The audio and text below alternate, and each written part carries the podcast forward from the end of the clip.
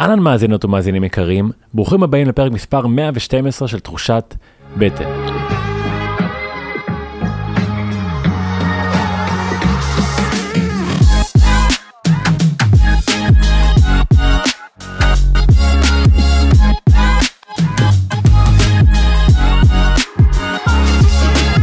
שבוע טוב, אהובות ואהובים, ברוך הבא לעוד פרק של הפודקאסט. אני המנחה שלכם, מתן חכימי, מנחה מרחבים לשינוי והתפתחות ומחבר הספר חוקי בטן.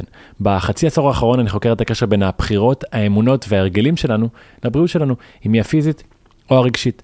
השבוע אני מארח את פרופסור יונתן דובי בפעם השנייה. יונתן הוא פרופסור מן המניין במחלקה לכימיה באוניברסיטת בן גוריון, פיזיקאי תאורטי בהכשרתו, ממקימי הפורום לרציונליות סביבתית לשוחח על מדע, על אקלים ועל החופש שלנו, לאן העולם הולך ומה אנחנו יכולים לעשות כדי לשמור על עצמנו. כרגיל להגיד שמצאתם איך בפרק הזה, אנא מכם תחלקו אותו כדי שעוד אנשים יוכלו להרוויח מהתוכן הזה, שתהיה האזנה נעימה.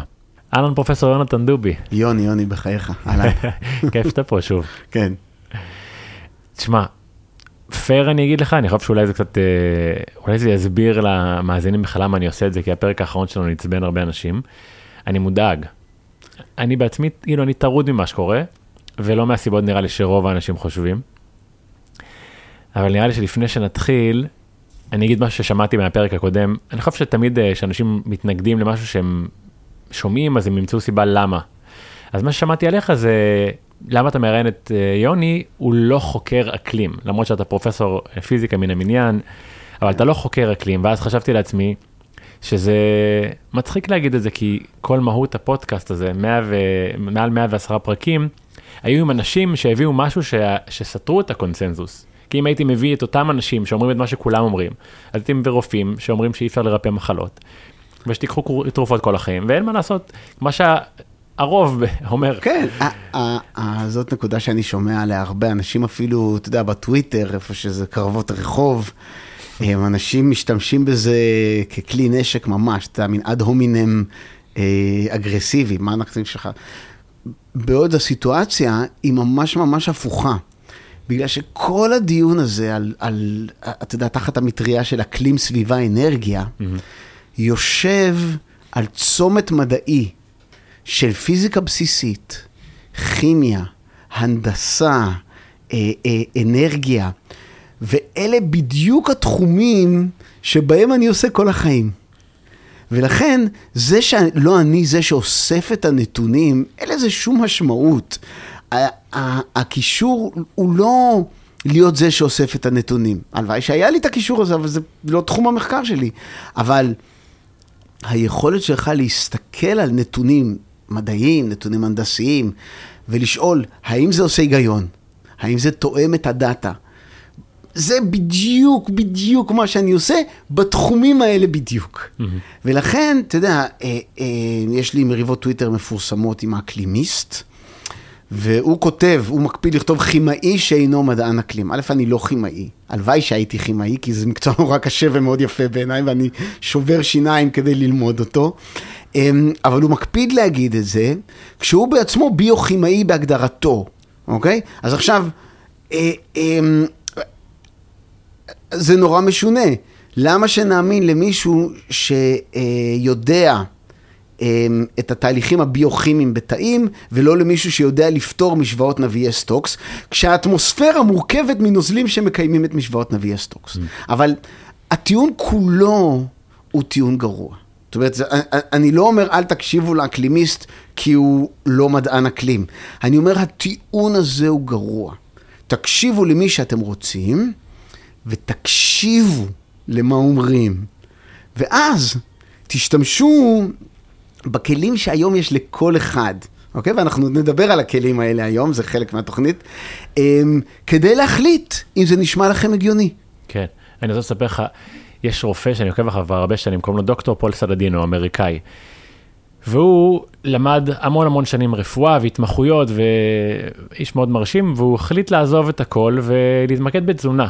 כי הוא ראה שתזונה משפיעה על בריאות האדם, במיוחד בארצות הברית שכולם, אה, רוב האנשים הם, הם שמנים וחולים. אז uh, הוא החליט להתמקד בתזונה, והוא עושה הרבה רעש. אז הזמינו אותו לאיזה תוכנית, talk show אמריקאית כזאת, והוא ידע לאן הוא נכנס, אבל הוא החליט ללכת בכל מקרה, ואיזו אישה שם, שהיא עורכת דין או משהו, מתחילה לצעוק עליו באמצע השידור. איזה הכשרה יש לך בתור תזונאי שאתה מעז לדבר על תזונה? אז הוא אומר לה, אני, אני רופא, אני, אני, לימדו אותי לחקור, לימדו אותי לקחת אינפורמציה ולחקור אותה. והיא ממשיכה כאילו לצרוך עליו את העניין הזה שהוא לא תזונאי. וזה מצחיק, כי א', רופא עובר הכשרות מאוד מאוד מדויקות, הבנות על איך הגוף עובד. כן. והניסיון הזה לבטל אדם אם הוא לא ספציפית בתחום הזה, זה מצחיק בעיניי, אבל אנחנו רואים את, את, את תרבות הביטול הזאת בשנים האחרונות יותר זה, ויותר. זה, זה בעיניי אחד הדברים הכי גרועים. עכשיו אתה רואה את זה, זה, זה, זה לא רק ב, בתחומים לוהטים כמו התחממות הגלובלית או קורונה וזה, בכל דבר אנשים דבר. מפסיקים להקשיב אחד לשני, וזה בעיניי אה, אה, בעיה קשה מאוד. ואני, שוב, זה נושא לפרק אחר, אבל אני רואה את זה באוניברסיטאות, איך מגוון דעות מפסיק להיות כלי עבודה של אנשים באוניברסיטה, והם נלחמים לטובת אחידות דעות. וזה אה, אסון בעיניי, זה דבר גרוע מאוד. ו, ובגלל זה אני קורא לכל מי שלא מסכים עם מה שאני אומר אפריורי, כי אני יודע שיש כאלה, גם במאזינים שלך וגם אם יהיה מאזינים חדשים שיצטרפו לפודקאסט, תקשיבו לי, תקשיבו לי לשיחה שלנו, גם אם אתם לא מסכימים, תרשמו הערות, ואז תחשבו על זה. אוקיי? ואם אתם עדיין לא מסכימים, הכל בסדר. כן, בטח. זה לא... זה, זה בסדר לא להסכים.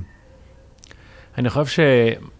אני חושב שזה נאמר לא מעט, אבל אני חושב שאם פעם הרעיון הזה של אה, הפרד ומשול ופילוג של אנשים היה רק סביב פוליטיקה, היום הוא יצא לכל מקום כמעט, ולפעמים אני שם לב שכבר השיטה כל כך מתוחכמת, שכבר אני אמצא את עצמי עם דעות מסוימות ליברליות ודעות מסוימות שמרניות, ואז אני כבר לא יכול אפילו להיות בצד, אני מפולג כמעט מהכל. אני חי ככה, שנים. זה מרתק, זה כן, מרתק אני... שהגענו למצב הזה. נכון, נכון, ושוב, היום גם, אתה יודע, אני לא רוצה לגלוש לפוליטיקה, בייחוד כי אני גרוע בזה, mm-hmm. אבל אתה יודע, ימין ושמאל, שמרנים ופרוגרסיביים, הכל מתערבב. ממש מעורבב, נכון. ואחד הדברים שאני מנסה להגיד הרבה, הוא, אה, כי אומרים לי, אתה יש לך, אתה פועל פעילות פוליטית. אני לא פועל פעילות פוליטית בכלל. הדברים שאני אומר, אני, אני עוסק בפעילות אזרחית, נכון? אני מנסה להשפיע על מקבלי החלטות, ואני מדבר איתך, ואני מתנדב, זה, זה פעילות אזרחית. אבל היא לא פוליטית, במובן המפלגתי של העניין. ובאמת, אנשים מתקשים לשייך אותי לאיזשהו צד, כי הם לא יודעים. כן, כי בעצם זה, יש פה התעסקות פוליטית, היא פשוט לא קשורה לשום צד. אבל, אבל היא מעורבת בפוליטיקה באיזושהי צורה. מאוד, בהחלט. בהחלט. אני חושב ש... אז אולי נתחיל בזה שאני... אני חושב שבנושא הזה זה מאוד מעניין, ואולי כל נושא ש... שתופס את תשומת הלב של רוב האנשים. אני חושב שלרוב בני האדם אין מחשבה, אה, נקרא לזה טהורה אותנטית. כדי שאתה תגיע, תגיע למצב שאתה חושב משהו, במיוחד מחשבה שהיא ככה... אה, נהייתה סטטוס קוו, שהיא חוצה עולם. היא לא סתם הגיעה לראש שלנו, ואנחנו צריכים לשאול דבר ראשון, איך היא הגיעה? למה היא הגיעה לזה שכולנו חושבים שיש עכשיו נגיד סתם התחממות גלובלית או משבר אקלים, מאיזה ערוץ זה הגיע אלינו? הרי זה לא הגיע לי מה, מה, מהשמיים, אלוהים לא דיבר אליי. כן. אני לא בקשר עם מדענים מסוימים, אין מדענים שמסכימים על אותו דבר, אז איך זה הגיע אליי הדבר הזה? ובדרך כלל מגיע או מהתקשורת או מהפוליטיקה, וזה כבר דבר שאמור לייצר איזושהי נורת אזהרה בעיניי. מעולה, מעולה, זה, זה מוליך אותנו, יש לי פה רשימה של דברים שאני רוצה לדבר עליהם, וזה כאילו העניין. השאלה, אתה יודע, אפשר להסתכל על זה במובן הפילוסופי, אפיסטמולוגי. אפיסטמולוגיה זה תורת ההבנה או תורת הידע, ולשאול איך אנחנו יודעים דברים. עכשיו, אני כבר אה, עוסק במחקר בסיסי, בוא נאמר, מ-2001, מ-2002. וואו. אוקיי? אז כבר 20 שנה אני עושה את התעלול הזה. אמ, ואתה אה, יודע, אני גם חוקר את, ה, את, את פילוסופיה של המדע. אוקיי? זה מעניין אותי, כדי לשפר את העבודה המדעית שלי, וגם כדי לאתגר את עצמי, גם בתחומים הציבוריים האלה, אני כל הזמן שואל את עצמי איך אתה יודע. Hmm. אוקיי? Okay? אני עושה את זה הרבה, אני נותן על זה קורס. אה, יש לי מאמר עכשיו שיוצא על זה בספרות המקצועית, זה לא מדעי, כי זה פילוסופיה, אבל בספרות המקצועית. אמ, איך אנחנו יודעים דברים? אז המדענים, יש להם, יש להם אה, טכניקה מאוד מאוד פשוטה לדעת, אוקיי? אה, אז קודם כל יש, כמו שהזכרת, יש שתי דרכים ידועות בציבור לדעת דברים. אחד זה אם אלוקים אמר לך בכבודו ובעצמו. אבל כמו שאנחנו צוחקים, זה נדיר, זה לא קורה הרבה. הדרך המאוד מאוד מקובלת לדעת דברים, זה אם אמרו לך אותם מי שהקשיבו לאלוהים, מי שאלוהים דיבר אליהם. או הם יודעים את זה מתוך איזשהו מקור אחר, שאנחנו לא טורחים לברר, אוקיי? זה חלק גדול מהידע שלנו, ואנחנו נדבר עליו הרבה, נכון? ידע מתוך סמכות. אבל כאנשי מדע, יש לי עוד שתי דרכים לדעת דברים. אחד זה התבוננות, תצפית. מה, בתור מדען, אני רוצה להסתכל על העולם ולנסות להסביר אותו, אז קודם כל אני צריך לברר מה אני מסביר. אז אני מסתכל על העולם ואני רואה תופעות, אבל זה לא צריך להיות רק בפיזיקה, זה בכל תחום, אוקיי? כל תחום אה, אה, חקר, אתה מסתכל על תופעה קודם כל, אתה מתצפת עליה, מודד אותה, לומד אותה, מה, מה שם, אוקיי? וכשאתה חווה את זה, אתה, אתה רואה את זה, אתה רואה את הנתונים, אתה יודע משהו, נכון? הדרך השל... הרביעית היא פשוט לוגיקה, להפעיל את הראש, אוקיי? Mm-hmm. והשילוב של תצפית והיגיון, זה המתודה המדעית. המתודה המדעית, כל מה שהיא אומרת זה את הדבר הבא. אנחנו מסתכלים על תצפית, ושוב, זה, זה, פיזיקה זה, זה הכי נוח לי לתת את הדוגמאות, כי זה העולם שאותו אני חי, אבל זה נכון גם לפסיכולוגיה, וזה נכון אפילו להיסטוריה במובן מסוים, למרות שאפשר להתווכח על זה, אבל בטח ל, ל, לכימיה וביולוגיה ותזונה ורפואה, המדעים הרכים נקרא להם, ואקלים. אתה מסתכל על איזושהי תופעת טבע. קודם כל מדדת את התופעה, ועכשיו אתה שואל ממה היא קורית, אתה מעלה השערה, אתה מספר סיפור. היא נובעת מכך וכך עקרונות ראשונים. חוקי הטבע עושים זה, כך וכך, אוקיי?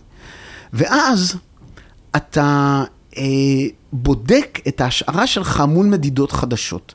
אתה אומר, אוקיי, אם ההשערה שלי נכונה, אז אם נמדוד כך וכך, או אם נסתכל על, על כך וכך, נקבל איקס. ואתה מסתכל.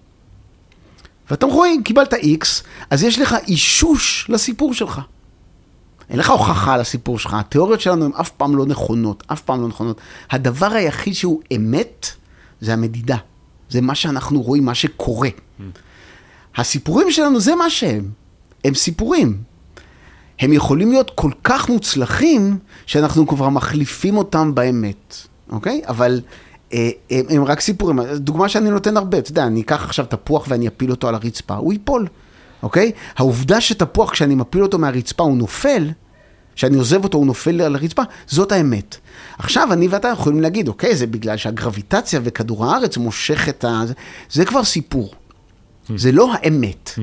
אלא שזה נבדק בכל כך הרבה דרכים, על ידי מדענים, בצורה אה, אה, נפרדת, במקומות שונים, בדרכים שונות, בשיטות שונות, בטכניקות שונות, על פני סקלת זמן מאוד מאוד גדולה, שזה התבסס אצלנו כדרך מצוינת לתאר את האמת.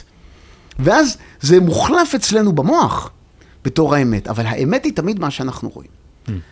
וזאת העבודה המדעית, וכאן אני רוצה להגיד משהו גם על, שוב, אנחנו תמיד ניגע במדעי האקלים, כי, כי המאזינות והמאזינים שלא מכירים אותי, עשינו פרק קודם על אקלים ארוך מאוד, ותמיד נחזור לשם. אז אתה רואה באקלים המון אנשים שאומרים, הנה תחזית לעוד מאה שנה, אוקיי? ואני אומר להם, תחזית לעוד מאה שנה זה לא מדע. אוקיי? זה לא משהו שאתה יכול לבדוק. אז אומרים לי, לא, אבל המדע בנוי מתחזיות. לא. השיטה המדעית בנויה מתחזיות שאתה יכול לבדוק. ואתה צריך להיות מוכן לשחרר את התיאוריה שלך, לזרוק אותה לפח, אם התיאוריה שלך לא נכונה, אם, אם היא סותרת את המדידות. לי זה קרה לפחות פעמיים במהלך הקריירה.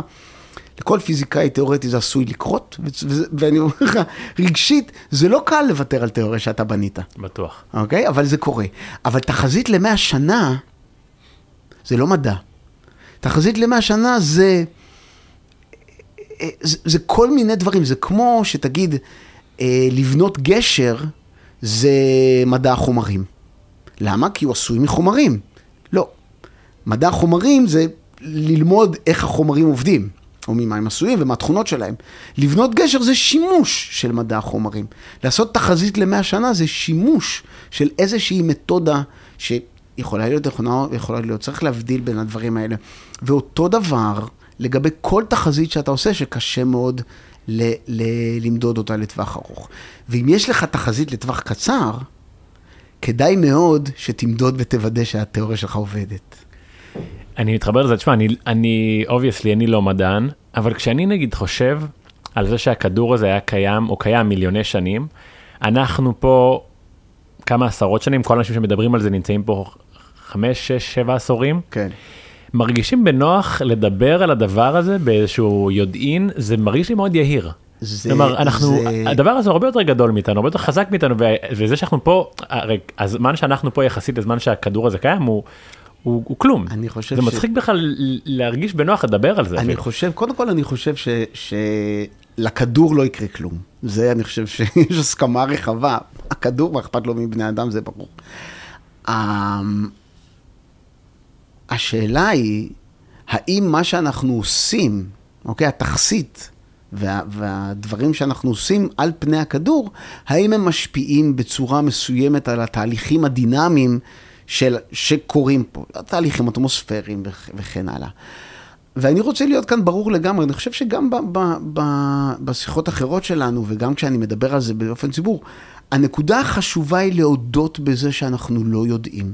שמערכת האקלים היא כל כך מסובכת, אנחנו כל כך לא קרובים ללהבין אותה, שלהגיד איזושהי אמירה בביטחון, זה, זה בעיניי יהירות, וזה בעיניי שגיאה מדעית. כי, כי אין לנו דרך לעשות ניסויים טובים. אתה יודע, אתה יכול לעשות ניסוי על סקאלה של כדור הארץ, למרות שאני הצעתי לעשות כל מיני ניסויים קטנים, אבל אה, אה, אין לנו דרך לעשות ניסויים, ולכן מה יש לנו? מודלים ממוחשבים, שזה לא באמת נכון. ואנחנו פשוט לא יודעים המון המון מהדברים האלה, ולהודות בבורות שלנו, זה חלק מהמתודה המדעית, על זה, אתה יודע, וזה הלך לאיבוד קצת. אבל אנחנו רואים אמת מוחלטת בכ- בכל, אנחנו רואים את זה ברפואה, אנחנו רואים את זה בתזונה, אנחנו רואים את זה בבריאות הנפש, אנחנו כל הזמן שומעים מה נכון, מה אנחנו מסוגלים או לא מסוגלים, וזה היה עם הקורונה מאוד חזק. נכון. למרות שכולנו שונים וכולם מגיבים אחרת, ולהחליט שהכל הוא, הוא, הוא אמת או דיוק, זה, זה די מצחיק בעיניי. זה פשוט אי הבנה של המתודה המדעית. ולצערי, אני אומר את זה השאלה לצערי, אם זה אי הבנה או ניצול, אבל א- א- אפשר להתווכח על זה. אני חושב שהרבה מדענים, אני רואה הרבה מדענים, אני חי בקיים, הרבה מדענים לא מבינים את המתודה המדעית. אוקיי? הם, הם פשוט לא מבינים אותה. הם לא... אה, אה, אה, הם, הם לא קראו את הספרות, הם לא השקיעו בזה מחשבה, הם פשוט נכנסו לתוך התהליך, ומדענים מושפעים מסט שלם של אה, אה, הטיות ותמריצים שגורמים להם אה, לסטות מהמתודה המדעית. עכשיו, המתודה המדעית, כל הקונספט שלה זה לנקות את ההטיות האנושיות האלה. אם המערכת עובדת בצורה נכונה, אז יש לה מערכת תיקון שגיאות אוטומטי, אוקיי? אבל כדי שזה יקרה, צריך להיות אה, סט של דברים, צריך להיות שקיפות מלאה, צריך להיות פתיחות גדולה לשיח, צריך להיות מוכנות לוותר על התיאוריות רקע שלך. וזה דברים שאני רואה פחות ופחות במדעים, במיוחד במדעים שיש להם נגיעה לחיים הציבוריים. ואני נלחם בזה, אני נלחם בזה באקדמיה, אתה יודע, בפינה הקטנה שלי, אני מלמד תלמידים, יש לי קורס בחשיבה מדעית, וכל הקורס אנחנו דנים בשאלות האלה. אמ, והלוואי שזה היה משהו שהוא יותר אה, אה, חלק סטנדרטי, אולי מלימודים לתארים מתקדמים. אבל באמת לדבר על זה, לא, אתה יודע, לקרוא ולעשות איזה עבודה, אלא באמת לשבת ולחשוב מה היית עושה פה, מה היית עושה פה, מה היית עושה פה, איך עושים את זה, זה, זה, לא קל. כן, אני טועה, אני חושב שיש משהו ביוקרתיות של להיות מדען, אני לא יודע אם זה רק בתוך הקהילה המדעית או גם כלפי איך שאנשים תופסים מדענים, שכאילו אולי קשה להגיד שאולי יש מדען שטועה או מדען שהוא לא טוב במה שהוא עושה, למרות שכולנו יודעים שיכול להיות רופא לא טוב או מכונאי לא טוב או מוסכניק לא טוב או, או, או פודקאסטר לא טוב, כאילו אי אפשר שכולם יהיו מעולים במה שהם עושים. זה יותר עמוק מזה. גם אם אתה מעולה במה שאתה עושה כמדען, אתה תטעה, אוקיי? אני לא מדבר על לטעות, אתה יודע, עשיתי נוסחה וטעיתי בחשבון. לא, אני לא מדבר על זה, אני מדבר על לטעות בסט הנחות היסוד שהביאו אותך לחשוב, לתאר תצפית בעזרת סיפור מסוים. אתה תטעה, אם אתה עושה את העבודה שלך נכון, נכון, אתה תטעה באיזשהו שלב, כי הטבע הוא מסובך. מדענים צריכים שיהיה להם את המכניזם הפנימי להגיד, אוקיי, הנה התיאוריה שלי, הנה הסיפור שאני מספר, הנה הניסויים שאני, או התצפיות שאני מציע לעשות כדי לסתור את התיאוריה שלי עצמי. ולהיות גם מסוגלים לוותר על התיאוריה שלהם אם היא לא נכונה. וזה זה קורה הרבה פחות ממה אה, שזה צריך לקרות, ובמיוחד בגלל אה, אה, שהאקדמיה, ואנחנו תכף נגיע לאיך הציבור יודע, אבל אנחנו עדיין ברמת האקדמיה, האקדמיה עצמה בנויה ככה שהיא הולכת ונהיית תמימת דעים, ולא רחבת דעות, אוקיי? כשיש איזושהי אה, אה, פרדיגמה, איזושהי תפיסה שלטת, יש נטייה לתפיסה הזאת להתקבע. אוקיי? יש אה, מדען פיזיקאי מאוד ידוע בשם מקס פלנק, אה, אה, נדמה לי שזה מיוחס לו, אבל אני לא, יכול להיות שאני טועה בייחוס, שאמר שתיאוריות מתחלפות כשהמדענים הזקנים מתים. מעולה. אתה מבין? אז עכשיו יש, אתה יודע, תיאוריית רקע מקובלת, פרדיגמה מקובלת שפחמן דו-חמצני ממקור אנושי הוא-הוא המקור לכל צרותינו. ועכשיו אין שום סיכוי למישהו שצועד נגד הפרדיגמה הזאת להתקבל לאוניברסיטה. הוא לא יוכל לקבל משרה באוניברסיטה. כי הוא יעמוד והוא יגיד את זה, וחברי הוועדה כולם יגידו, תגיד לי, אתה צוחק עלינו. גם אם המדע שאתה עושה הוא נכון, אתה לא תקבל כספי מחקר, לא יהיה לך עם מי לדבר איתנו, אתה תיצור לעצמך אויבים במחלקה, למה שנצרף אותך לחבורה שלנו? וזה לא, זה, זה, הם לא עושים את זה מתוך רוע, או מתוך אה, איזושהי אידיאולוגיה, זה פשוט הטיה טבעית של בני אדם לרצות סביבה הומוגנית. והמדע, אם הוא עובד טוב, הוא מצליח להתעלות מעל זה. זה לפעמים לוקח זמן.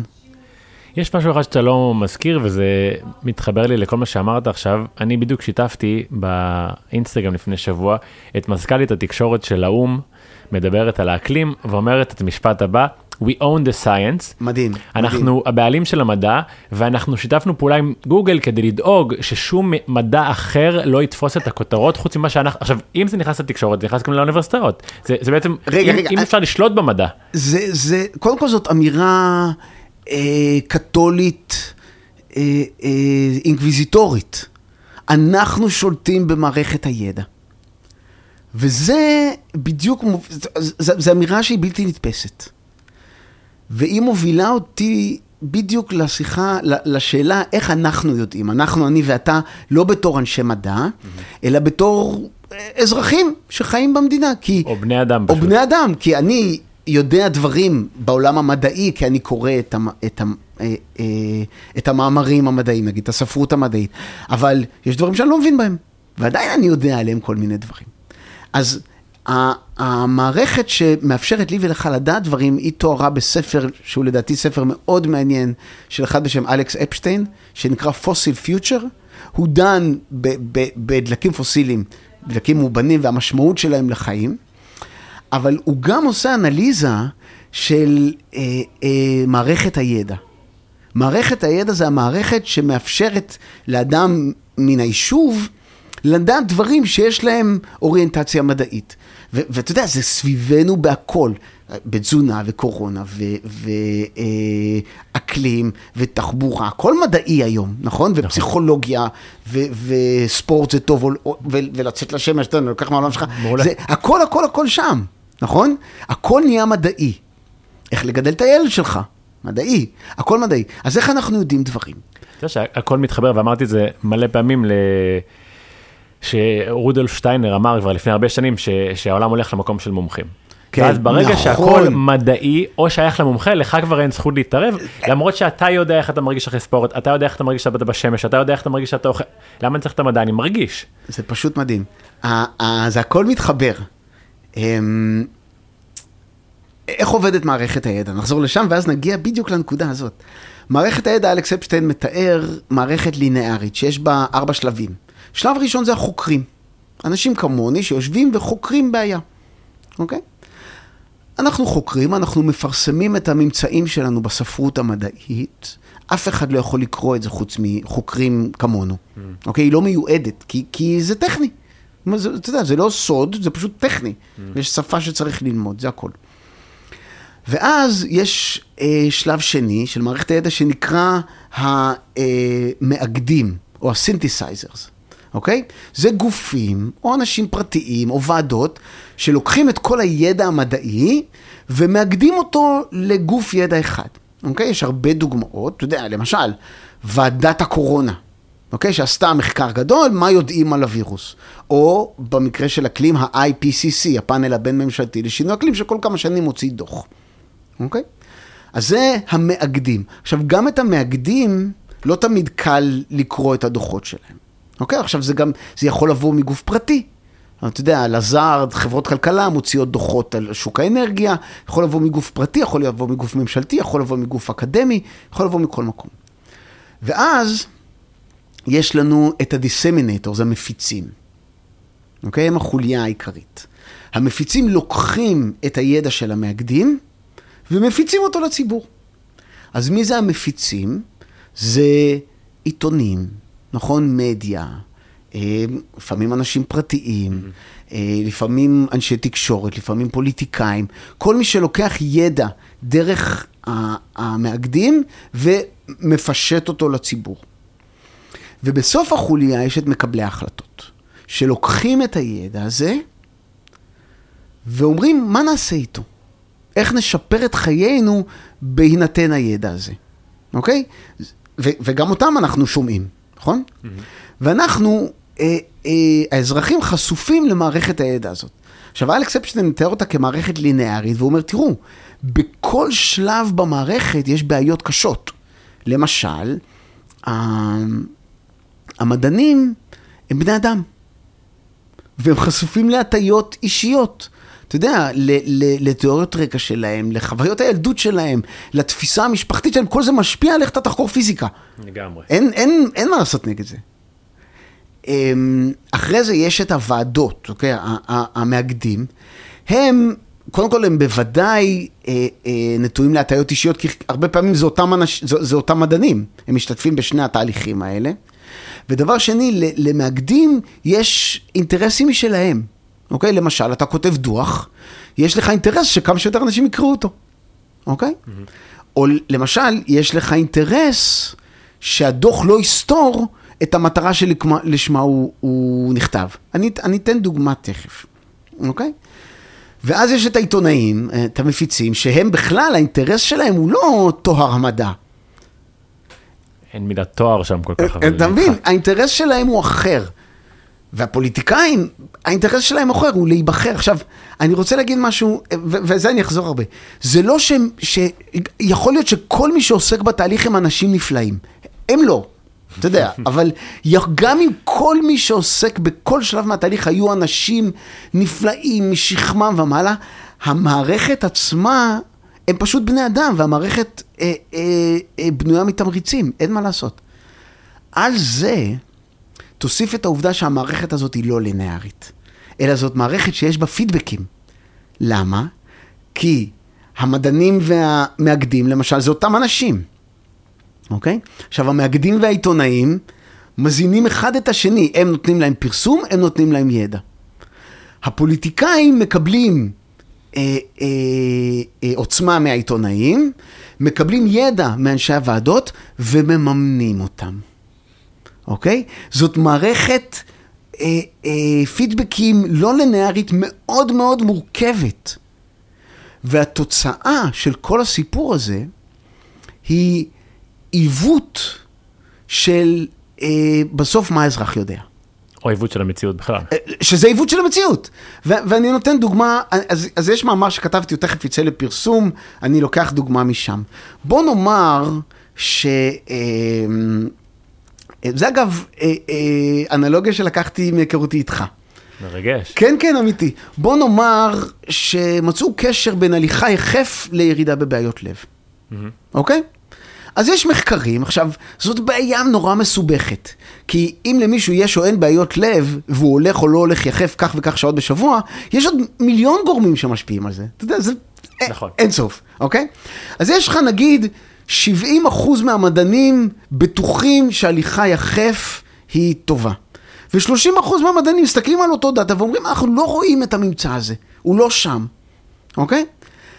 הדיון ביניהם הוא, הוא, הוא, הוא מקובל לגמרי, אוקיי? אבל עכשיו, אה, משרד הבריאות רוצה לעשות ועדה. כי אנחנו רוצים שיהיה פחות מחלות לב, נכון? אנחנו רוצים שאנשים יהיו בריאים. אז הוא מקים ועדה. עכשיו, יש יותר אנשים שחושבים שללכת יחף זה טוב, נכון? אז רוב הסיכויים שאם אתה תבחר מישהו בתור יו"ר הוועדה, הוא יהיה מישהו שחושב שללכת יחף זה סבבה. נכון. זה, זה טוב, נכון? לגמרי. עכשיו, הוא יבחר סביבו אנשים מתוך הברנז'ה שלו. האמונה שלו. אז, אז יהיה בתוך הוועדה נגיד 80-20. עכשיו הוועדה תחקור ותשב על המדוכה, והיא תגיד, תראה, יש קונצנזוס. עכשיו, הקונצנזוס הזה הוא לא מבטא אמת מדעית, כי האמת היא שיכול להיות שכן, יכול להיות שלא. אבל הוא, הוא מבטא את דעת רוב החברים. עכשיו, קודם כל תשאל את עצמך, מה הסיכוי שוועדה כזאת תגיד, אין שום קשר. אפשר לפרק את הוועדה. אין סיכוי. אין סיכוי שזה יקרה, נכון? כי היא ממומנת.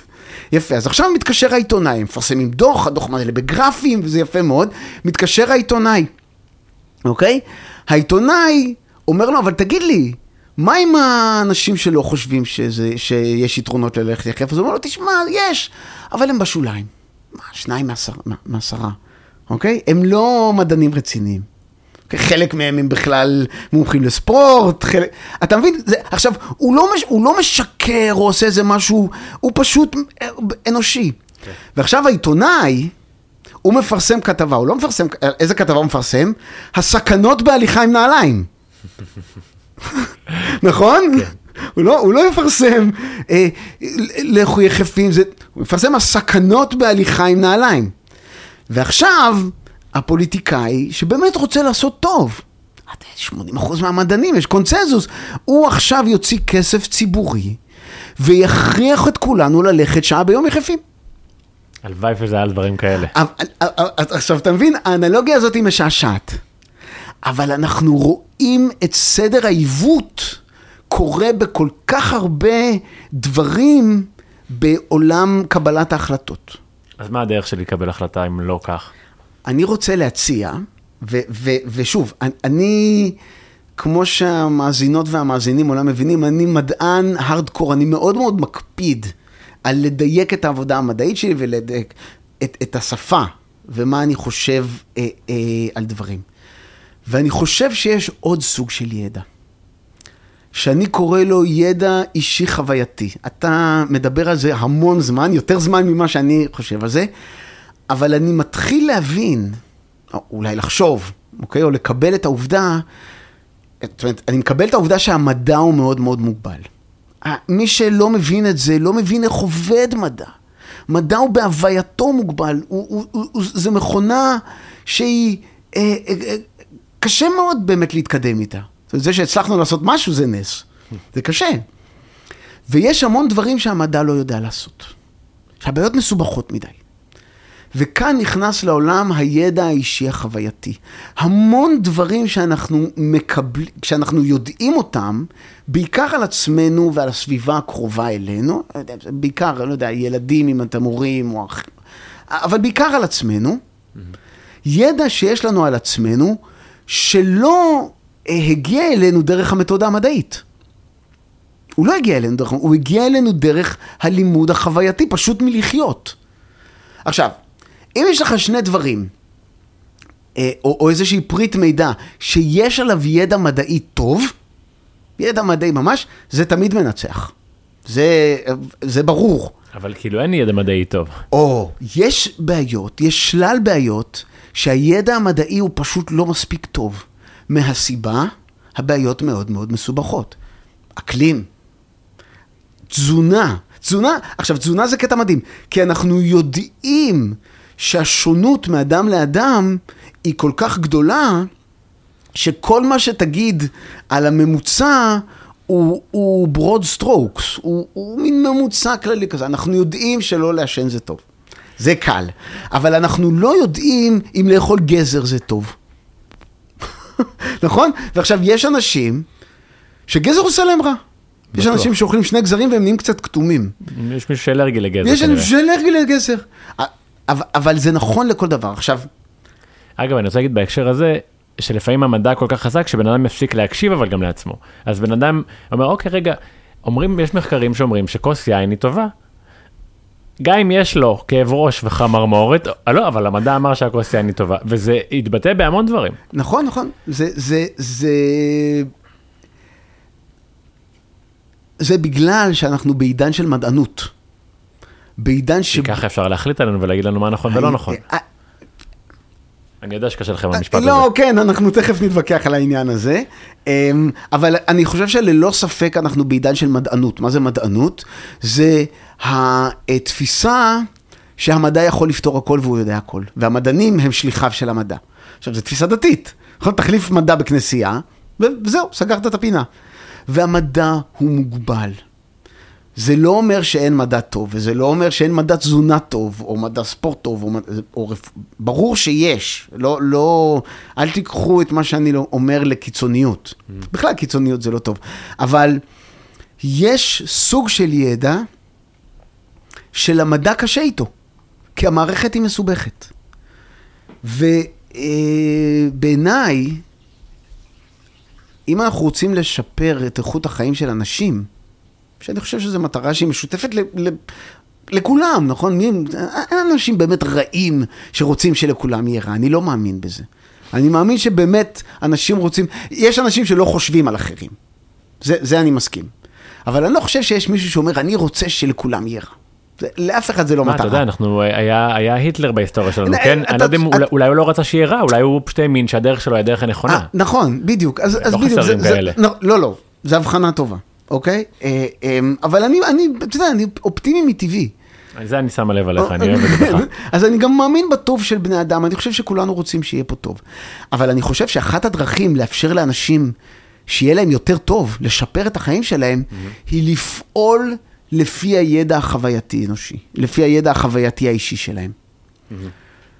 וכאן אני חולק איתך את הדאגה שאנחנו מתחילים להרגיש בעולם המערבי יותר ויותר דיבורים על הגבלה של החופש שלנו לפעול. אז אני רוצה להגיד על זה משהו. כשעשינו את הפרק הקודם, אה, זה התחיל מזה שאני ראיתי פוסט שלך בפייסבוק שדיבר על זה שמכניסים, ל, ל, לא יודע אם ל- ליסודי או לתיכונים, אה, תכנים שקשורים לאקלים, והראית איזו שאלה שנראה לי שהייתה מופנית לילדים קטנים, כלומר, אם בני אדם יעשו ככה וככה, אה, מה הסיכוי שכדור הארץ ייחרב? אמרתי, כן, וואו, זה, כן. למה, למה להפחיד ילדים ככה? לא הצלחתי להבין, למה? למה? אז רציתי להביא אג'נדה אחרת, כי אני אוהב להביא אנשים שחושבים שונה, מביאים נרטיב אחר. אבל עדיין לא היה ברור לי. לא היה ברור לי. ובחודשים האחרונים התמונה התחילה להתבהר יותר ויותר כשראיתי איך אנשים יכולים, מסוימים יכולים להרוויח מזה שיש משבר אקלים, או איך בעצם האזרחים, אנחנו הולכים להיפגע, ובעולם של שליטה, ויש תמיד רצון לשלוט באזרחים כמה שיותר, או להחליש אותם כדי שאנשים בכוח יוכלו לעשות מה שהם רוצים, פתאום התמונה נורא נורא מתבהרת. וחשבתי שאולי זו הזדמנות לדבר איתך על זה גם, מצוין, כי אני נוטה להסכים. אתה מפחיד אנשים into compliance. אתה מפחיד אותם, ואז הם מביעים פחות התנגדות, כי פחד הוא, אתה יודע, רכיב סופר יעיל בהפעלה של אנשים. כן. אנחנו ראינו את זה, אה, ואנחנו רואים את זה עכשיו, גם, אתה יודע, עם, הקורונה, ועכשיו מפחידים אותנו ממחלה שלא קיימת. ראית את הפרסומים האלה שלה? לא, לא הסתכלתי, אני לא אה, מופתע בכלל. צריך להתכונן לווירוס אקס, אה, שיהיה גרוע יותר. סתם שתבין, כבר מכינים אנשים, מכ- מודיעים. לאנשים את העתיד. ובמשבר האקלים אותו דבר, אנחנו מכינים את הילדים שלנו, ואנחנו אומרים להם כבר עכשיו, אתם לא תוכלו להשתמש בידע האישי החווייתי שלכם, כי האקלים, כי גאיה, כי זה. וזה בהחלט כלי של שליטה, זה נכון, ואנחנו רואים את זה קורה. אני רוצה רק להגיד כאן את דעתי. אה, ושוב, כאן זה, זה לא שאלה מדעית, זה רק דעתי. אני אישית לא חושב שיש קונספירציה. אני, א', אני לא חושב שאנשים מספיק מתוחכמים בשביל לעשות קונספירציות בסקלות כאלה גדולות. ודבר שני, אני לא חושב שיש קונספירציה, כי קונספירציה אה, אה, משמעה שיש איזו תוכנית נסתרת, ולא אומרים לנו אותה. ואילו בנושא הזה של שליטה אה, על החירויות שלנו למען האקלים, אני חושב שהכל גלוי ו... ועל השולחן. אה, אה, הגופים שמדברים על הגבלות קיצוניות אומרים את זה בג- בגלוי. הם אומרים, אנחנו נחליט מה יהיה טוב לכם. אני לא חושב שאנשים עדיין מבינים, ואפשר לדבר על זה, בדיוק ראיתי אה, היום שאני לא זוכר כבר איזשהו שר, שר התחבורה של אה, צרפת כבר ביטל טיסות פנים שארוכות יותר נכון, משעתיים, נכון, אבל בעצם נכון. התוכנית, כבי, כי תשמע, יש איזשהו קטע שמפרסמים מהם דברים מאוד קיצוניים, הם לא מוסתרים מהציבור, אבל עדיין הציבור לא קולט אותם. אז באג'נדות של האקלים, מדובר על הגבלות תנועה והגבלות של טיסות. אני, אני אתן לך עכשיו, אה, מדובר על הגבלות של תנועה, הגבלות של טיסות, הגבלות של אכילת בשר, או בכלל גידול, גידולים חקלאיים. יש פה המון, המון, המון דברים, אני חושב שאנשים מבינים את זה. ה- ה- אה, ו- וה... איך קוראים לזה? ה- ה- המד, אה, מד פליטות האישי של כל בן אדם. כן, כן, אנחנו, תראה, אמ, לא צריך להמציא את הרשימה מה, מהראש, כי היא כתובה. יש, אני מחזיק בדיוק מולי, יש ארגון, המאזינים יכולים לחפש UK Fires, F-I-R-E-S, זה גוף מחקר שמורכב מחוקרים מהאוניברסיטאות הכי טובות בבריטניה, עם אוקספורד וקמברידג' ובאת' ולידס וכל האוניברסיטאות הטובות שלהם, ממומן על ידי ממשלת בריטניה. והגוף הזה מעסיק מדענים שעונים על השאלה מה צריך לקרות כדי שבני אדם לא יפלטו פחמן. עכשיו, אני רוצה, לפני שאני מתאר את הדוח הזה, שהוא בלתי נתפס, אני רוצה רגע לדבר איתך על הסמנטיקה של הרעיון הזה. אוקיי. אנחנו פולטים פחמן בנשימה. זאת אומרת, כרכיב פסיכולוגי, אתה עוצר את החיים עצמם. זאת אומרת, זה ממש ככה. עכשיו, זה משהו שאנחנו לא רואים, זה לא רעל, זה עוד דברים עושים אותו. הפלטות נהיו איזה מילת קסם לדבר רע. בוא נקטין את הרוע, בוא נקטין את הפלטות. שיוצא בעיקר מהפה שלנו ומצמחים. אה, אה, אה, זה לא יוצא בעיקר מהפה שלנו, גם. אבל זה, כל אחד שנושם פולט פחמן דו-חמצני, זה לא רע. זה, זה, אני מנסה להגיד שהסמנטיקה הזאת נכנסת עד לרמה הכי בסיסית של החיים עצמם. וזה מאוד מפחיד.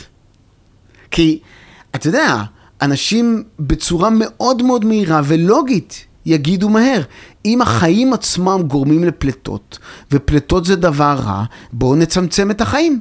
למה שיהיו על העולם, על כדור הארץ 8 מיליארד בני אדם שחיים בטוב? בואו נדאג שיהיה 500 מיליון. עכשיו, מי יעשה את הרשימה? אתה מבין? זה פחד, זה, זה, זה, זה...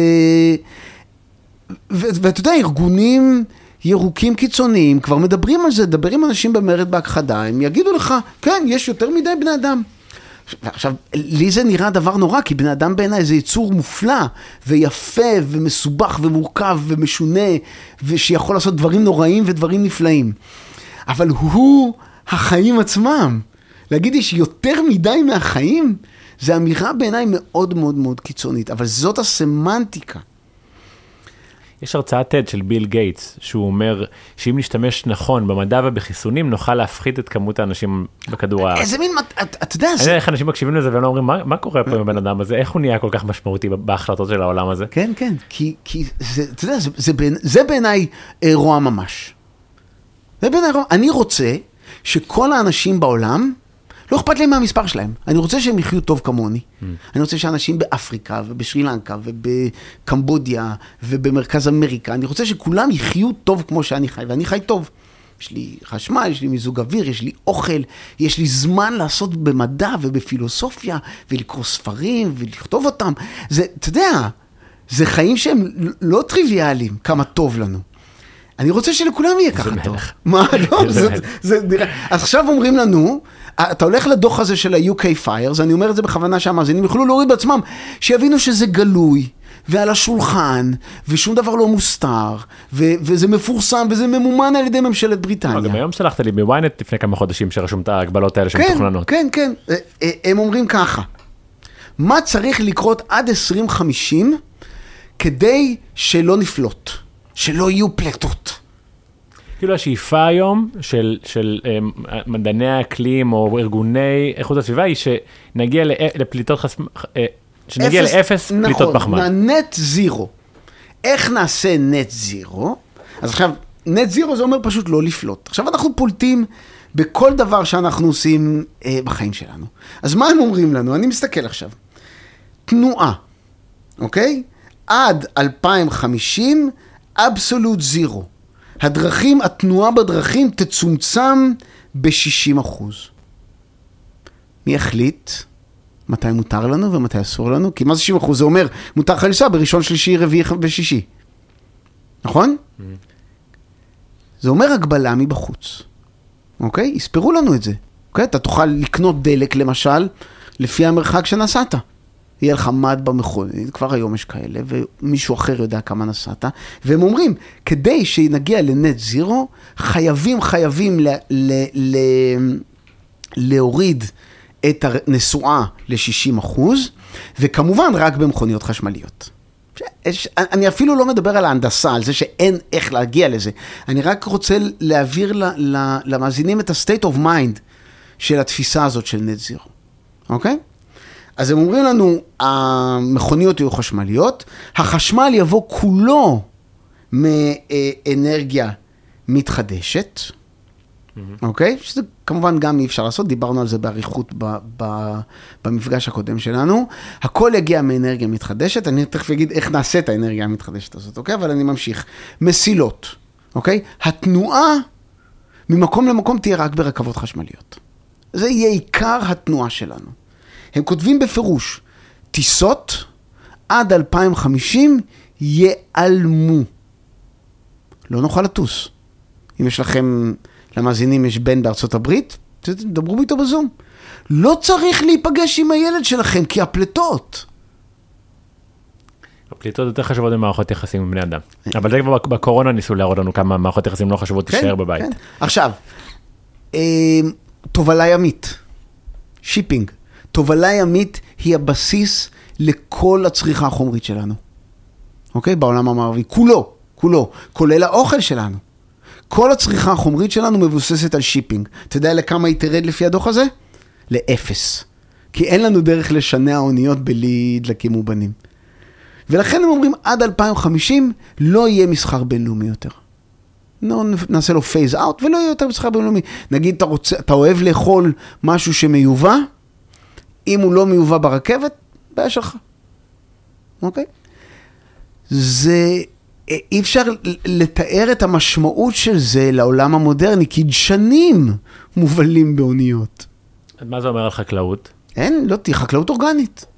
שזה, המאזינים מוזמנים לקרוא מה קרה בשרי לנקה בשלוש שנים האחרונות, כשהם ניסו לעבור לחקלאות אורגנית. אגב, בעצות של ה-World Economic Forum. זה סיפור אמיתי.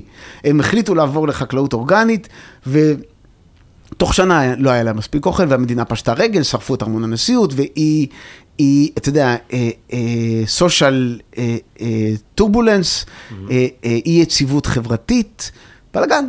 אני יודע שארצות הברית עכשיו אה, מדברת על, על ביטול החקלאות האישית, בכלל שלא יהיה אפשר יותר לגדל מזון בעצמך. זה, זה טירוף שאין אין, אין, אין, אין שום קשר בינו לבין כלום, זה פשוט להגיד לך מה לעשות ואיך לחיות. אנחנו ממשיכים. אה, מכשירי חשמל, השימוש ירד ל-60 אחוז. זאת אומרת, אם אתה רוצה לראות טלוויזיה יותר ממה שמותר, אתה לא תוכל. זה עושה לי טוב לראות טלוויזיה. אני בא ליום כזה, היה לי יום כזה, אני רוצה לכבות את הנוירונים לראות האח הגדול. אתה יודע, אני, לי אין טלוויזיה פעילה, אני לא רואה תוכניות, אבל אני, אם מישהו רוצה, אני לא מצליח לדמיין סיטואציה שבה אני אגיד לו, לא, זה לא טוב לך. אני ממשיך.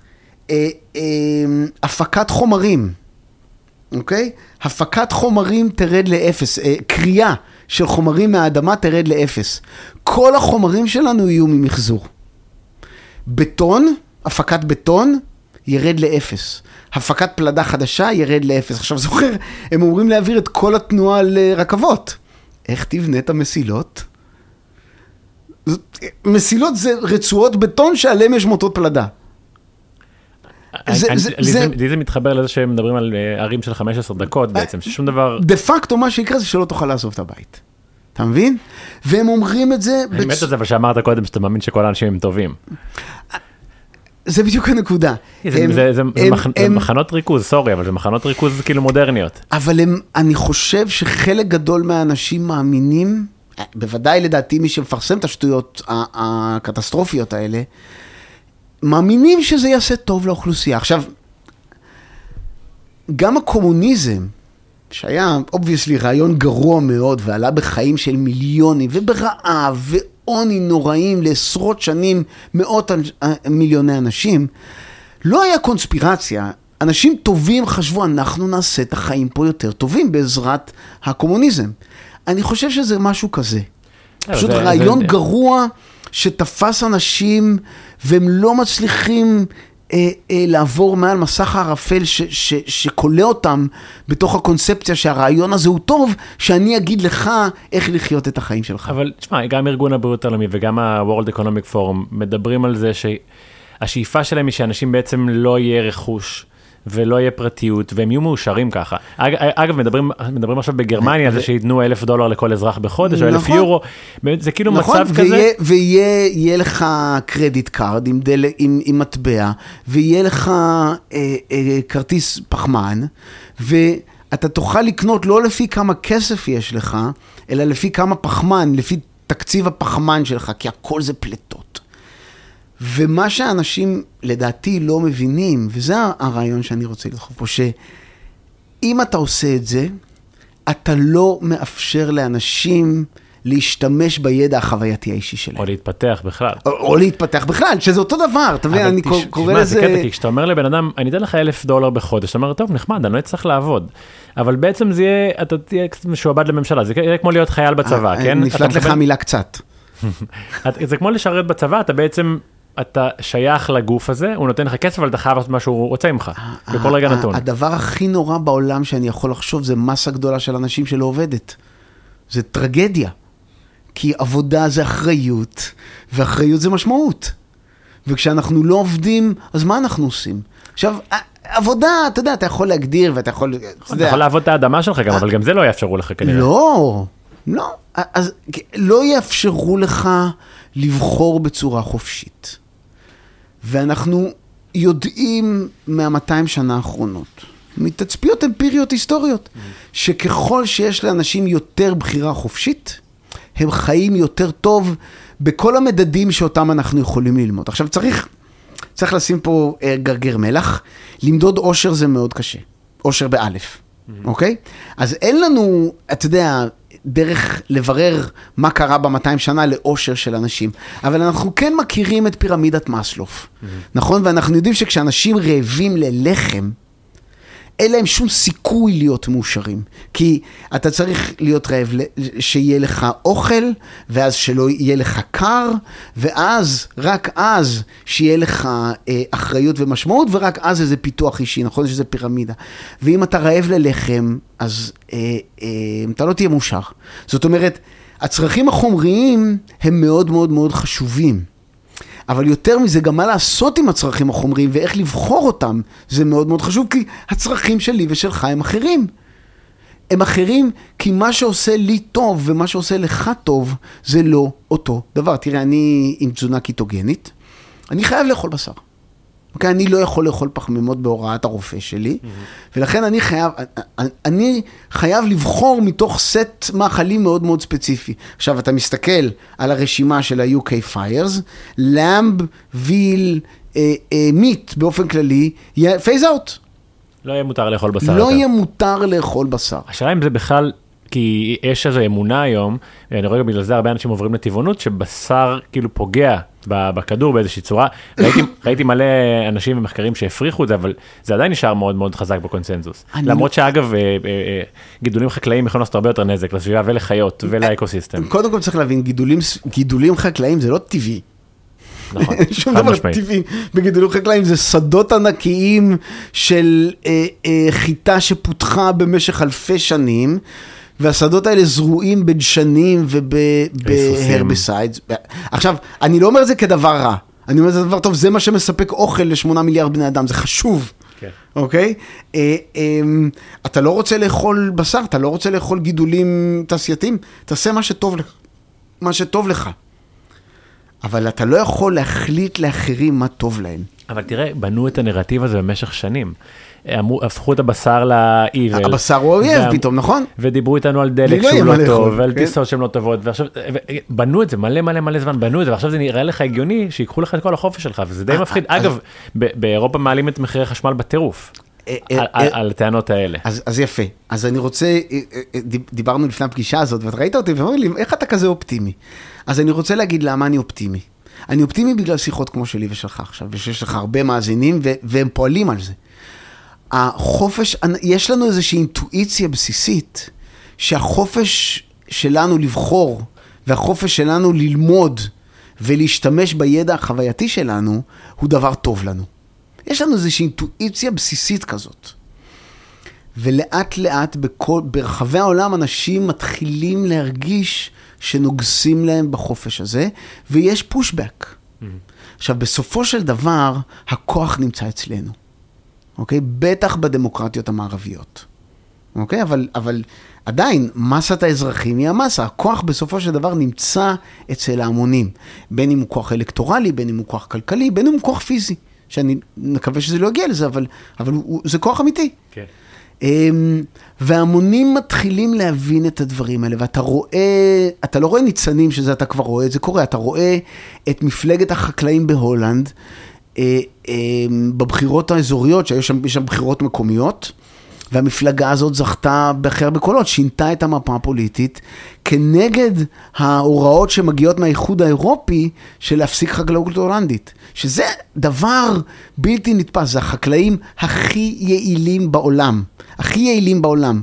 אם יש מקום שבו פולטים מעט פליטות ביחס לכמה אוכל מייצ... מייצרים, זה הולנד. הם ממש ממש טובים, זה הם מייצאים שליש מהבשר של אירופה, בשר חזיר בעיקר. אתה יודע, וזו מדינה קטנה, זה כמו ישראל, עשרה מיליון איש. אה, אה, להם אתם אומרים להפסיק לעשות חקלאות. אז יש פושבק, בקנדה יש פושבק, בארצות הברית יש פושבק. אה, איטליה בחרה אה, אה, אה, הנהגה ימנית. בצרפת מקרון קורא לאיחוד האירופי להרגיע עם ההגבלות הסביבתיות. שוודיה התחלפה הממשלה, פינלנד התחלפה הממשלה. אנחנו מתחילים לראות את האזרחים מגיבים במסות. עכשיו, הם מגיבים במסות בגלל התחושה, תחושת האי נוחות הזאת, שפוגעים בנו בחופש. עכשיו, אתה יודע, כל ממשל פוגע לנו בחופש, זה ברור. כל, אנחנו לא יכולים לחיות ביחד בחברה בלי שייפגע חלק מהחופש האישי שלנו, נכון? כל חוק הוא פגיעה בחופש, נכון? מה, אתה אומר לי לעצור באור אדום, אני רוצה לנסוע, אוקיי? אבל יש בנו איזושהי הבנה שעל חלק מהחופש אנחנו צריכים לוותר ואנחנו מוכנים, אוקיי? ובדמוקרטיה, על איזה חלק יקבע הרוב, זה, זה, זה כאילו הסיפור, נכון? אבל יש לנו איזושהי אינטואיציה מאוד מאוד חזקה, שמשהו ב, ב, ב, בתהליך הולך לפגוע יותר מדי בחופש הבסיסי שלנו ללמוד ולחיות את החוויה האישית שלנו. ואנשים מתעוררים לזה. אגב, דיברנו הרבה על השאיפה ליצור אפס פליטות, וראיתי איזה, ראיתי כמה דיונים בסנאט האמריקאי שרואים אנשים, אתה יודע, פוליטיקאים מתחקרים, חוקרים כאלה. ואז הם אומרים לחוקר, אנחנו רואים שיש איזו שאיפה אה, להגיע לאפס פליטות עד 2050, כמה זה, כמה זה ישפיע על ההתחממות. ואז הם עונים לו משהו כמו כזה 0.00, אין- בעצם אין- כלום. אה, ואז הם כל- הם שואלים אותו אז למה וכאילו אין תשובות כלומר זה ממש אבל- מורגש שזה הכל אבל אתה יכול, תראה, קודם כל זה נכון, אנחנו לא יודעים מה יהיה הטמפרטורה עוד 50 שנה, ועוד 20 שנה גם. אין למדענים כדור בדולח, אין להם, אין להם. זאת אגדה. מדענים יכולים לעשות תחזיות, והתחזיות האלה הן לא מאוד מאוד טובות בלשון המעטה, הן טועות כמעט בכל פרמטר. יש לנו תחזיות עבר שטעו בכל פרמטר, ואתה יודע, אנחנו רגילים לשמועות על קץ העולם כבר 30 שנה. עוד 10 שנים אנטרקטיקה נעלמת, ועוד 15 שנה מיאמי תיעלם, ויש לנו עוד 12 שנה לפעול. לפני שנה, בדיוק הסתכלתי על זה היום, היה פרסומים בכל העיתונים על קרחון יום הדין. נכון. אתה זוכר את זה? קרחון יום הדין. ואחרי שהתחילו לדבר על זה, אז עשו חשבון. אני יכול לשלוח לך את המאמר, קראתי אותו היום בבוקר. קרחון יום הדין יעלה את, את קצב עליית מי הים בפחות מ-2%. זה בתוך הרעש, זה לא יורגש בכלל. זה כמו, אבל אני חושב שזה חשוב לציין את זה. ואני לא אוהב את זה שהקורונה כל הזמן נכנסת לכל שיח, אבל זה כמו, מה שאמרת עכשיו על, הקרחון הזה, שהתחיל אולי את כל הדיון, הדיון שלך זכור לנו, בעצם הקורונה התחילה עם תמונות של אנשים נופלים ברחובות, כן. בסין, בטענה שזה מה שהקורונה עושה. כן. אף אחד לא נפל אי פעם, חוץ משחקנים כנראה. וזה בדיוק מראה לנו עכשיו, ואני חושב שכל פעם צריך לשאול את עצמו, איפ, מה, למה האמנתי שהתחילה הקורונה? למה צייתתי? האם באמת חשבתי שסגר נכון, של לשים מסכות, של להתחסן, ומה גיליתי כמה שנים אחרי זה? ואני לא חושב שעניין האקלים הוא שונה בשום צורה. אני, אני חושב שעניין האקלים הוא הרבה יותר קיצוני. בגלל שני דברים. ושוב, אנחנו לא, אני לא רוצה להיכנס פה לשאלה אם הייתה מגפה או לא הייתה מגפה. לא, זה לא קשור לזה, זה לא מבטל את זה שיש קיום של אני, אני משהו. רק אומר שהקורונה, במובן מאוד מאוד אמיתי, הייתה ניסוי כלים. כולם ידעו שזה זמני, אוקיי? גם מי שלא האמין בכלל, וגם חוזי השחורות הגדולים ביותר, הם ידעו שזה זמני. כי מגפות טבען להיות זמניות, אנחנו רואים את זה מתוך הניסיון המדעי שלנו, מהתצפית. האקלים הוא לא זמני, זה לנצח. אם תתחילו לפלוט מעכשיו, זה יעשה גרוע. חייבים לעצור ולשנות את החיים על פני כדור הארץ, זהו, לעולמים. כדי שלא חס ושלום יהיו פליטות ונעלה, אתה מבין? אז זה, זה הרבה יותר קיצוני. ואז מוצאים לנו תחזיות, ומוצאים לנו מדענים שיגידו כל דבר. ושוב, המדענים עשו חשבון, הם לא מבינים את המתודה המדעית, ולכן הם לא מבינים שמה שהם עשו זה לא מדע. מה שהם עשו זה שימוש בחלק מהכלים המדעיים, הם בנו גשר, והגשר שלהם רעוע מאוד. או ש- או ש- people that own the science יוצרים דברים כדי גם, שאני- זה גם קורה, אני לא, אני, שוב, אני אוהב לא לשייך לאנשים אה, אה, אה, אה, רצונות רעים, אבל זה בהחלט גם קורה. אנשים, שוב, אני נתקלתי את זה בעצמי, אנשים כדי לשכנע אותך שהם צודקים, ישקרו. ויעוותו את הדאטה, ויעוותו את המדע, ו- וישימו נתונים לא נכונים, ויעשו cherry picking נכון, אה, כי הם מאמינים שהם עושים טוב, בסופו של דבר. או שיש להם סיבה אחרת, אולי כסף או משהו כזה, אבל בגדול, אבל זה קורה, ו- וכשאנחנו מסתכלים על התחזיות האלה, ועל ההפחדות האלה, זה מוליך אותנו לקונפורמיזם. זה מוליך אותנו להגיד, אוקיי, קרחון יום הדין, אני אסע היום רק רבע שעה. אוקיי? הבת שלי גרה בראש העין, אני גר בתל אביב, יש פקקים, אני אוותר על לראות אותה היום. אוקיי? לא צריך לנסוע יותר מרבע שעה. אה, אה, למה? כי קרחון יום הדין. ואנחנו נאבד חלק גדול מהשליטה על החיים שלנו. וזה, זה, ושוב, זה באמת מפחיד, אבל אנחנו פועלים נגד זה. אני, אני לא, אין רוצה... בעיה, אנחנו, אנחנו נתנגד ונעשה מה שאפשר, אני רק אומר, אני חושב שאחד מהדברים שצריכים להדליק את הנורת אזהרה, וזה אפשר להגיד בקורונה, היה את האנשים שאמרו לך להישאר בבית, אבל האנשים שאמרו לך להישאר בבית לא ישבו בבית. זה- ופה יהיה את האנשים שאומרים לך שאסור לטוס, אבל הם יטוסו במטוסים הפרטיים שלהם, יהיו את אלה שיגידו לך להתחשב בסביבה, אבל הם ימשיכו לייבש את אה, ים המלח, כלומר, יהיו אנשים שיגידו לך לכבות את החשמל, אבל שיירת ראש הממשלה והתקשורת וכולם יקבלו את אותו חשמל, את אותו בשר, את אותם טיסות, וזה רק האזרחים שיתחילו לקבל ולחטוף בלי סוף. אז הנה לך כללי אצבע. איך לדעת שאנחנו ב... ב, ב, ב מערכה על דיסאינפורמציה, אוקיי? דרך ראשונה, אלה שמטיפים לא פועלים. אוקיי? זה בדיוק מה שאמרת. אתה יודע, אה, שר האקלים, שגריר האקלים של אה, אה, ארצות הברית, ג'ון קרי, טס 200 אה, אה, יום בשנה במטוס פרטי. מדהים. אוקיי? אמ, אגב, גם לישראל יש שגריר אקלים. יש. יש מישהו שאנחנו משלמים לו משרה יפה מאוד, כדי שיהיה שגריר האקלים של מדינת ישראל. מדינת ישראל פולטת אה, אה, 0.14 אחוז מהפליטות העולמיות. אין לנו שום השפעה אם מחר כולנו ניעלם, יבוא גל ישטוף את כל ישראל לים, אי אפשר יהיה למדוד את זה. אבל בכל זאת יש לנו שגריר אקלים, אנחנו חייבים להוריד את הפליטות של מדינת ישראל. למה? כדי שרשות החשמל יחליטו לנו מתי יהיה חשמל ומתי לא יהיה חשמל, ומשרד הגנת הסביבה יחליטו מתי יהיה חשמל ומתי לא יהיה חשמל, כדי שחס ושלום האקלים. אז זה טריק אחד. הטריק השני הוא באמת כשאומרים לך, המדע סגור. כי בבעיות מהסוג הזה, המדע, קודם כל אין דבר כזה מדע סגור, אנשים עוד מתווכחים על הספרה ה-15 ביחס בין משקל האלקטרון למסה שלו, בין, בין המסה שלו למטען שלו. זה, זה להגיד המדע סגור, זה אמירה דתית. וכשאומרים לך את זה, פונג, נורת אזהרה, אוקיי? נורת אזהרה שלישית, cancel culture. אתם מקשיבים לפרופסור דובי, בחייכם, הוא, הוא פורום קהלת מממנים אותו. הוא, הוא, לא יודע מה, אוכל עניים לארוחת בוקר, אני לא יודע מה, מה יגידו עליי, מכחיש שקלי. זה, זה, זה עוד איך, נכון? ו, ושוב, זה לא אומר שאני צודק. המאזינים, אני ממליץ לכם בחום, כל מה שאני אומר, לקחת עם גרם גרם, ללכת לבדוק אותי, לחשוב על זה בעצמכם אם זה עושה לכם היגיון. אוקיי? אני לא צודק. אני אומר את דעתי, ויש סיכוי שאני טועה. אבל הדיון, הוויכוח, הוא חלק ממה שמאפשר לנו להתפתח ברמת הידע, כקהילה. אתם סוגרים את הדיון, משהו לא בסדר, אוקיי? עכשיו, עוד דרך טובה, follow the money. אוקיי? יש חשבון שעשו עכשיו, פורסם לא מזמן מאמר, על כמה מוציאים הארגונים הסביבתיים בארצות הברית על אה, אה, פרופוגנדה אקלימית. וואו, אוקיי. אוקיי? זה, זה פשוט מספר מדהים. חמשת הארגונים הגדולים, אוקיי? זה ה-Sierra Club, ה-World Wide Fund, ה-National Resource Council, יש כל מיני גופים.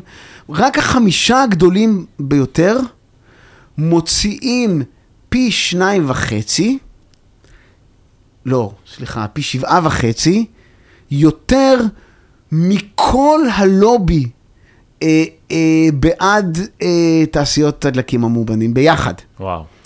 זה רק החמישה הגדולים. כן. עכשיו, המספר הוא סביב שניים וחצי מיליארד דולר בשנה. רק על תעמולה.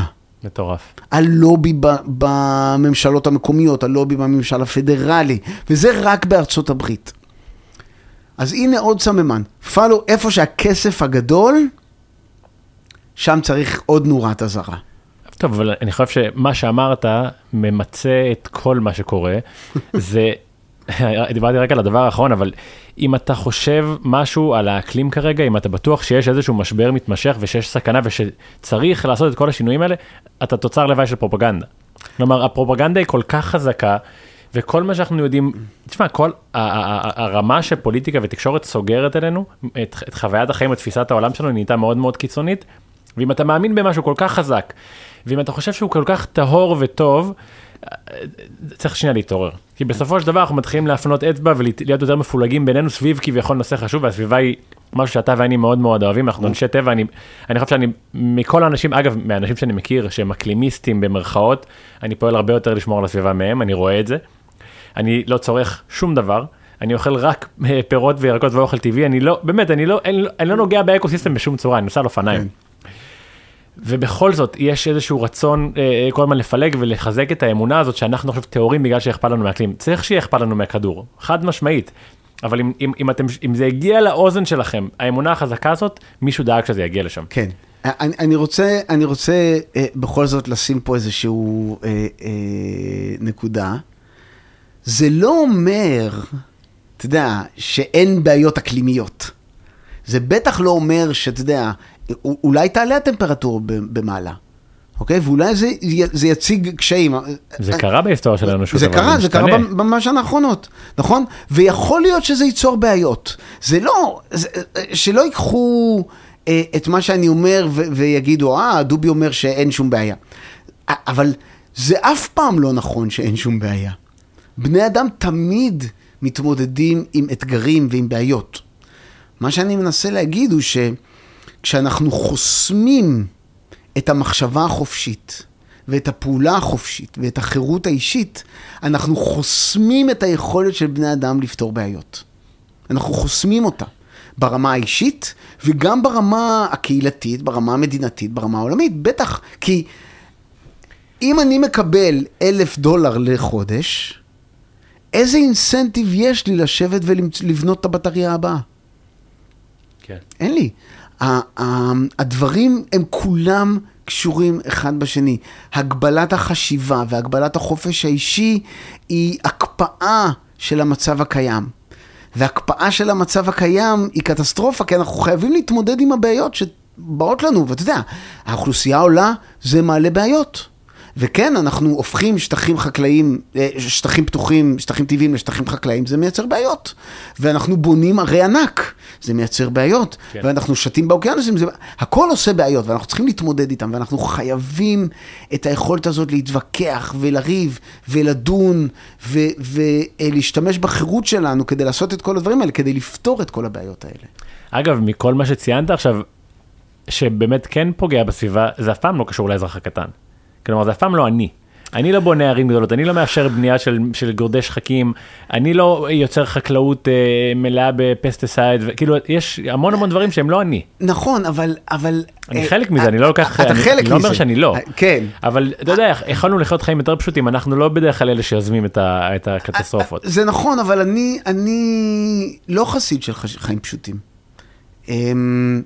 ההיסטוריה מראה שהחיים פעם היו מאוד פשוטים. היית קם בחמש בבוקר, עובד, כשיורד החושך הולך לישון. החיים היו די אומללים. אני חושב, להגיד. אני- אני מתאר לעצמי. יש שם אנשים שעוזבים את החיים המערביים, מגדלים את הילדים שלהם, נכון, מגדלים את האוכל שלהם, נהנים מהחיים. אבל, אבל הם אנשים עשירים מאוד. לא. כן, כן. אתה, אני מכיר לא, אנשים שעשו בקורונה. אתה לא מבין מה זה אושר. אה, הבנתי, זה לא אנשים עניים שיכולים לעשות את זה. אוקיי, אנשים עניים שהדאגה שלהם זה איך אני יביא כסף לארוחת ערב, הם לא אנשים שיכולים לעשות את זה. אוקיי, במובן הזה, האנשים שיכולים... אני גרתי בצרפת, היינו בטיול, היינו ב... ב... שכרנו כאילו איזו דירה אקולוגית כזאת, באיזה מקום. אתה יודע, ו... ו... אה, פאנלים סולאריים, ובידוד מיוחד, ויש אה, אה, לול תרנגולות קטן, והכל נורא יפה. יש לך זה- בדואים שגרים בנב- בנגב ואין להם את כל הדברים האלה. אה, זה לא עולה כסף לחיות ככה. לא, זה עולה המון כסף לחיות ככה. לבדואי? לא, הבדואים, אם הם יכלו, אם היו יכולים, הם היו חיים כמוני וכמוך. הם לא, זה לא בחירה. חד משמעית. אני מתכוון שלחיות, אם בוא נגיד שאם המערכת הכלכלית של העולם לא הייתה כל כך מסואבת ומסובכת, אז יכולנו לחיות כולנו חיים פשוטים. זה לא, לא, אני לא יודע לענות על זה, אני לא בטוח שזה נכון.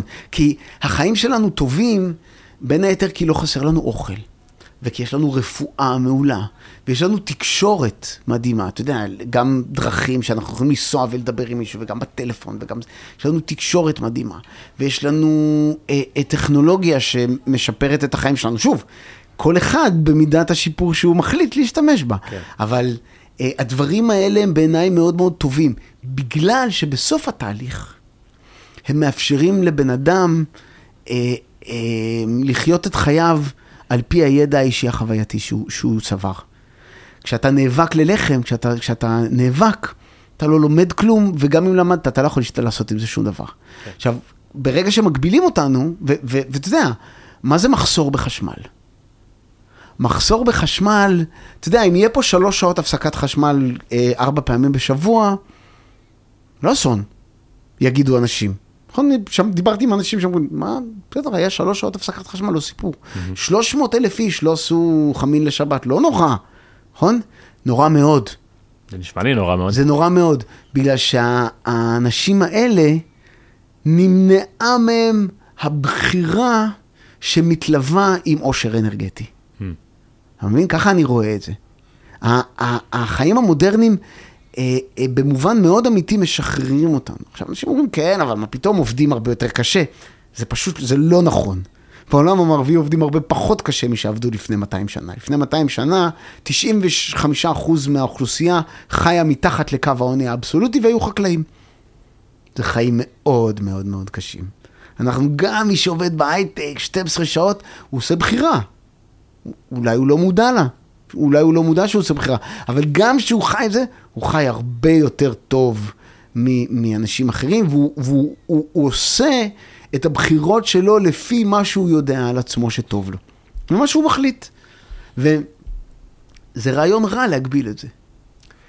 אני חושב שאם יש משהו אה, לקחת מפה, ואני חושב שהוא דבר שאני מדבר עליו הרבה ברמת ה- ה- הריבונות האישית, שאתה חיברת את זה למילה החוויה האישית, שקצת נלקחת מאיתנו כשכל הזמן שמים לנו את הפוקוס על כביכול מה שהיה נקרא אחריות חברתית, והיא גם הייתה בקורונה, ועכשיו היא, גם, היא בעצם באה פה עם נושא האקלים והכלכלי, אבל החוויה האישית שלי, הרצון שלי להתנסות בעצמי ולהבין שאני היחיד שיודע מה נכון עבורי ואני רק יכול ללמוד את זה אם אני אתנסה וככה אני אלמד ואני אהפך להיות חוקר טוב או בן אדם בריא או בן אדם שתורם לחברה, היא מאוד מאוד משמעותית ולחוות את זה זה, זה גדול. עכשיו אני לא יודע מה שאני אגיד נכון או לא, אבל כמו שבקורונה אמרתי לעצמי, אוקיי הייתי חולה זה לא כזה נורא, אז חוויתי משהו.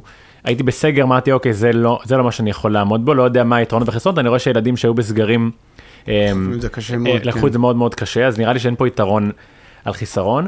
אז באתי להגיד שאני לא יודע אם זה נכון אבל גם ברמת האקלים או ההתחממות הגלובלית שנהייתה כזה אתם רואים כמה חם ועכשיו אני אומר לעצמי.